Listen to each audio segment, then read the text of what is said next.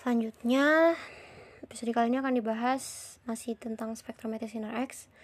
Contoh spektrum sinar X. Nah, kalau spektrum sinar X itu sumbu Y-nya adalah counts per channel atau counts per second. Sedangkan sumbu X-nya itu bisa energi, bisa panjang gelombang atau nomor kanal. Masing-masing kanal akan merepresentasikan nilai energi tertentu. Jadi, sama aja dengan nilai energi dalam elektron volt atau dalam kilo elektron volt. Yang menarik dari spektrum sinar X adalah puncak-puncak itu berkesesuaian dengan nomor-nomor atom masing-masing unsur. Jadi kalau kita lihat di tabel periodik ada B, ada besi, kobalt, nikel, kuprum, uh, sebelumnya Zn. Kalau diurutkan garis-garis puncak-puncak alfanya, maka puncak-puncak alfanya mengikuti urutan. Urutan yang tadi ada Fe, Co, Ni, Cu. Jadi misalnya ada gambar besi, lalu ada Cu, lalu ada Zn. Jadi dia ngikutin apa yang ada di tabel periodik tergantung pada kenaikan nomor atom. Makin besar nomor atom, makin besar energi untuk nilai K alfa. Itu untuk spektrumnya. Selanjutnya jenis-jenis spektrometer. Yang pertama adalah non-dispersive uh, spektrometri X-ray. Jadi sinar X-nya tidak dispersikan, tapi dia cukup menggunakan filter yang dideteksi itu cuma satu panjang gelombang aja. Kita bisa e, contohnya itu bisa menggunakan untuk penentuan PB dan S dalam bahan bakar hidrokarbon menggunakan 55 Fe sebagai sumber sinar X di radiasi pada 5,4 angstrom. Dia menggunakan dua filter, satu di bawah garis S, satu tepat di atasnya dengan dua detektor. Perbedaan kedua sinyal diperoleh dengan dua filter beda menunjukkan sinar dari S. Analisis S dapat dilakukan dalam waktu satu menit. Digunakan analisis khusus unsur tertentu, kita cuma punya satu nilai panjang gelombang yang merepresentasikan unsur yang diukur. Kan kita mau menganalisis S kita pakai dua filter. Satu menyaring semua garis yang di bawah garis K alfa dari S satu lagi spektrum garis yang ada di atas garis S. Dibuat dua detektor yang satu eh, yang tentu saja akan menghasilkan dua sinyal dari dua filter yang beda. Yang pertama untuk filter yang di bawahnya garis uh, garis diukur berapa sinyalnya atau count per second Kemudian filter yang kedua dipasang tepat di atas garis S lalu diukur. Perbedaan kedua sinyal menggambarkan sinyal S dari garis K alfa Eh, dari S dengan demikian analisis bisa dilakukan. Yang kedua ada WDX atau wavelength dispersive X-ray. Ini ada yang didispersikan itu kan panjang gelombangnya. Jadi sama sih sama kayak daerah lain dari spektrum atau radiasi elektromagnetik. Cahayanya didispersikan dengan kisi difraksi lalu dideteksi di uh, yang dilakukan pada pita-pita tertentu atau interval-interval tertentu dari hasil panjang gelombang yang sudah didispersikan oleh kisi difraksi. Prinsipnya sama kayak EDX, jadi kalau tadi energi yang didispersikan kalau ini panjang gelombang yang didispersikan. Pakai ini tuh harus pakai berbagai kristal supaya interval range keseluruhan dari spektrum sinar X yang diperlukan yang diukur uh, bisa dilakukan ada beberapa kristal yang bisa digunakan panjang gelombang itu masing-masing. Jadi jenis-jenis kristal bisa menghasilkan panjang gelombang yang beda-beda. Yang ketiga ada EDX atau energi dispersive X-ray. Jadi energinya kan yang didispersikan. Kalau tadi wavelength panjang gelombang yang dispersikan kalau IDX energinya. Detektornya itu pakai solid state biasanya silikon lithium. Kelebihannya pengukurannya cepat dan sederhana bisa digabungkan dengan mikroskop elektron.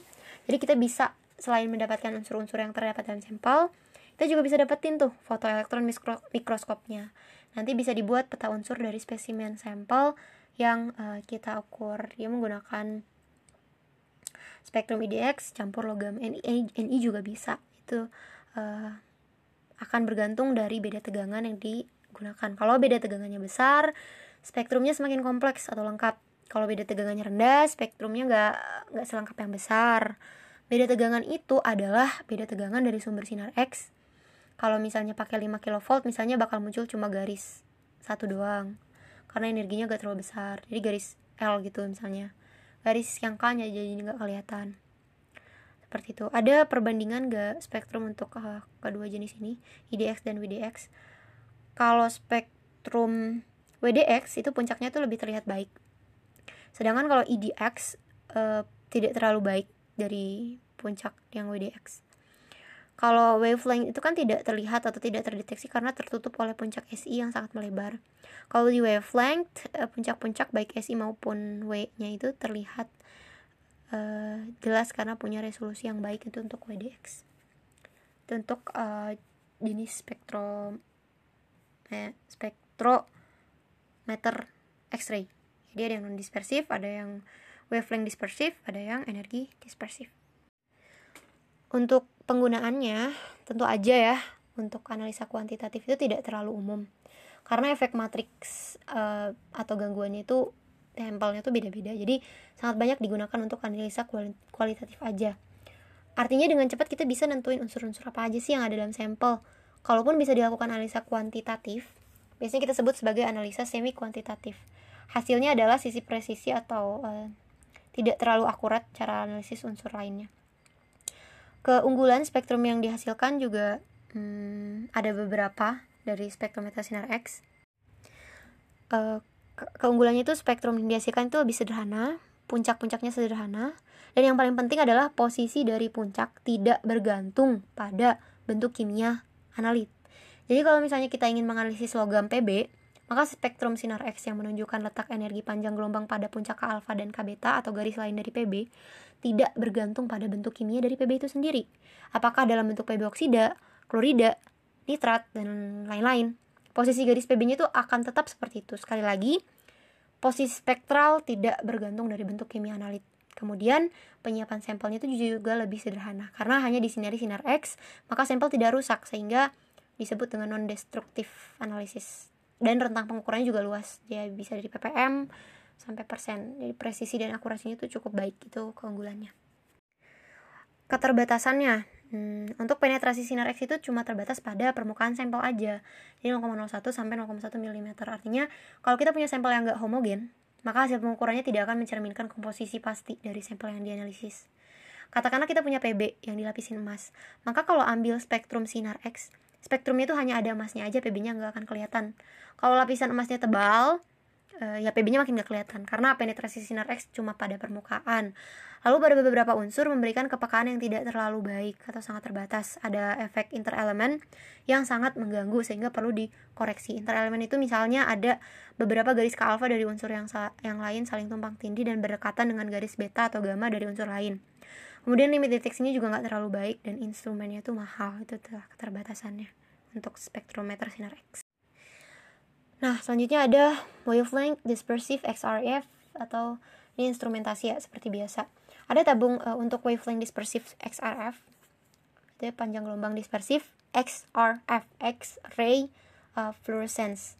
Jadi uh, ada sumber sumber sinar, tabung sinar X dikenai ke sampel. Kemudian diukur pada posisi tegak lurus dari sumber sinar karena tentu aja penetrasinya itu nggak terlalu baik jadi tidak bisa ditembus. Jadinya dipantulkan dan dihasilkan sinar X sekunder. Elektron dari kulit K akan terlepas keluar diisi oleh elektron yang kulit di luarnya. Sehingga kelebihan energi yang disebabkan oleh pindahnya elektron dari kulit luar ke kulit dalam akan menghasilkan sinar X sekunder yang disebut dengan fluorescence sinar X. Hasil fluorescence-nya ini bisa didispersikan menggunakan kristal dan dideteksi oleh beberapa detektor atau satu detektor dan diputar sesuai dengan hukum Bragg. Kalau energi dispersif XRF, ED XRF mirip yang beda hanya bagian detektor kalau tadi bisa disimpan kalau tadi apa wavelength dispersif bisa disimpan beberapa detektor bisa diputar. Kalau di sini detektornya dijejer. Masing-masing energi dari sinar X yang mana detektornya ditampilkan berdasarkan kanal energi dari masing-masing sinar X yang diterima oleh detektor. Uh, itu uh, untuk wavelength dispersif XRF dan energi dispersif XRF Hmm, selanjutnya untuk penyiapan sampel menggunakan spektrometer sinar X. Jadi pertama permukaannya itu dihaluskan. Jadi bisa bentuk serbuk, pelet, bisa juga dalam bentuk suspensi atau kalau padatan bisa dilebur dengan beberapa garam seperti K2P2O7, Na2B4O7, Le2B4O7.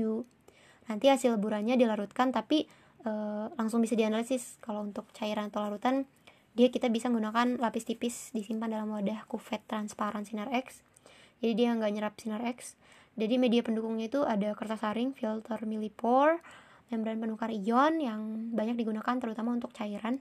Selain menggunakan wadah seperti kuvet biasa dibuat dalam bentuk lapis tipis. Jadi ada beberapa mikrofilter diteteskan pada media pendukungnya.